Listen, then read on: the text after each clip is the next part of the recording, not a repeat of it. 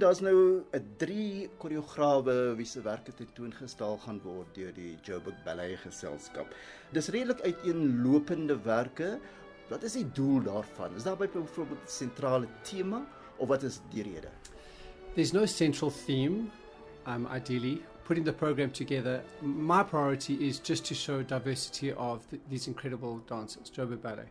Um, and looking at the different works and coming up with which kind of works are we going to showcase. It's imperative that the dancers are exposed to new styles and also for our audiences so that we are providing a product that is that is new, that is fresh, that is innovative, that hasn't been seen before. And I think that is where the starting block starts. And then who is best suited uh, to choreograph on the company right now and who's available and who would have the right energy for the company. And I think those are some of the decisions that I base the program and, and, and what we're going to put together as part of the season. Julle is 'n klassieke balletgeselskap. Dit vereis sekerlik baie tegniek en ook verskillende tegnieke omdat die ballette so uiteenlopend is.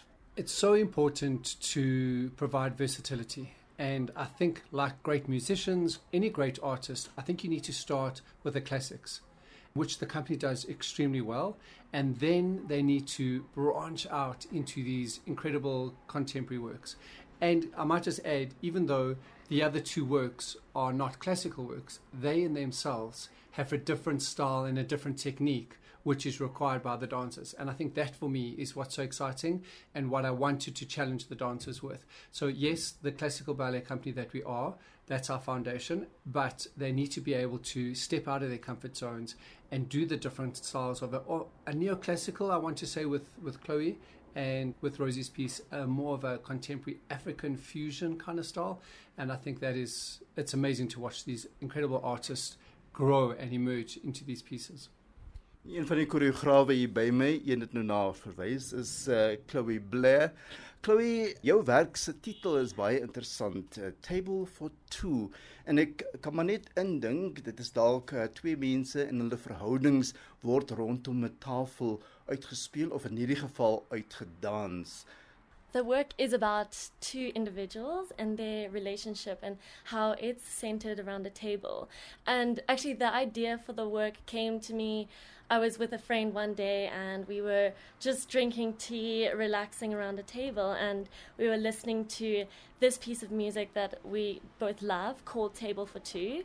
It's not actually the music I ended up using, but it formed part of the inspiration because I just thought to myself, how many interactions and how much of our relationships happen around a table. You know, we celebrate things, we fight about things. There's so many moments in our lives that happen around our dining room tables.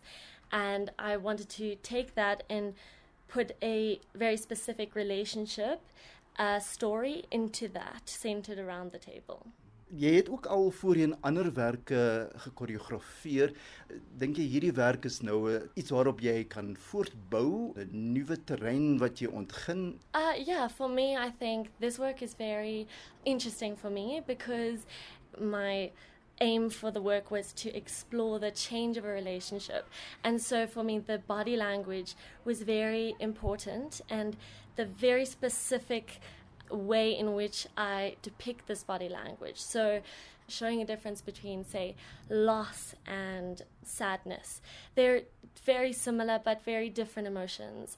The costumes are very simple, the movements are also quite, I would say, not as technically challenging, but I really wanted to focus on the trajectory of the story and the change. And so it was very interesting to work with that specific body language for each specific moment. Uh, Cloë, jy's ook 'n uh, voorste danser in die balletgeselskap. Is dit vir jou makliker dan om 'n ballet te skep om dit te koreografeer? I think that the two are obviously very different skills, but I think that you know, choreographing such a big work on the company has really helped me to see how I should also be as a dancer with choreographers, and that that entails also giving a lot of yourself because when I choreographed my work, I had a very specific idea in mind. And when I put it on other dancers, I realized their input is so important, and the end product is actually a collaboration between everybody, which is very beautiful and something completely new and different than you thought it would turn out.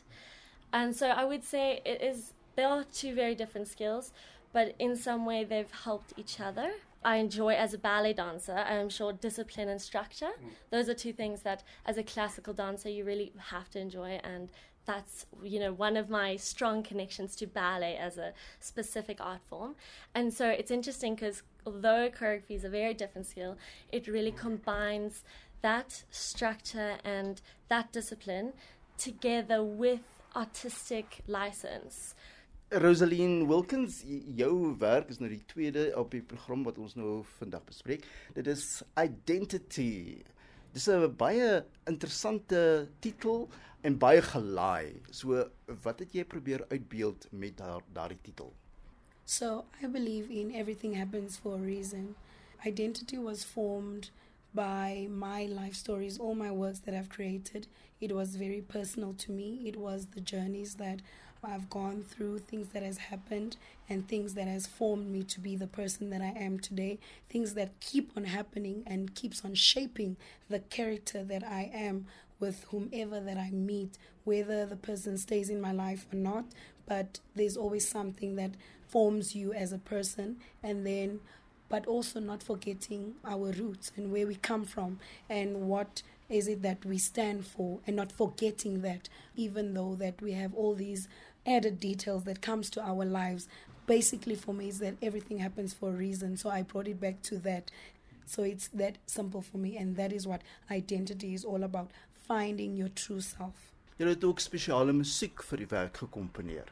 So I am not um, a, a composer, but I love sounds. I love working with what I feel, and I literally create the music with with my own beats, and then I'm, I'm, I'm telling myself want it a certain way, and then I have the pleasure of working with Isaac that I've worked with for so many years, and here he comes and he actually gives life to what the craziness that I have in my head or the sounds that I make during rehearsals. And then he comes and he actually puts it on a sheet for me. And so that for me is very special that I don't have to use any else or any other music that was composed before, but it is actually the true meaning of identity, finding their own music for the work. And that for me was so special and beautiful for him to do that for me as well, putting my craziness on a sheet and actually making that music for the work. And I think that is amazing.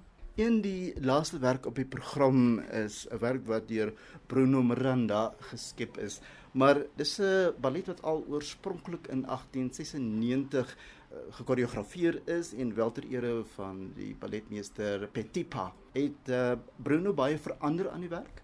You know, a true classic can stand the test of time. And to say that it was composed as many years ago and it is still relevant to today is just, for me, so mind blowing. I love the fact that these great classics are, are standing here today.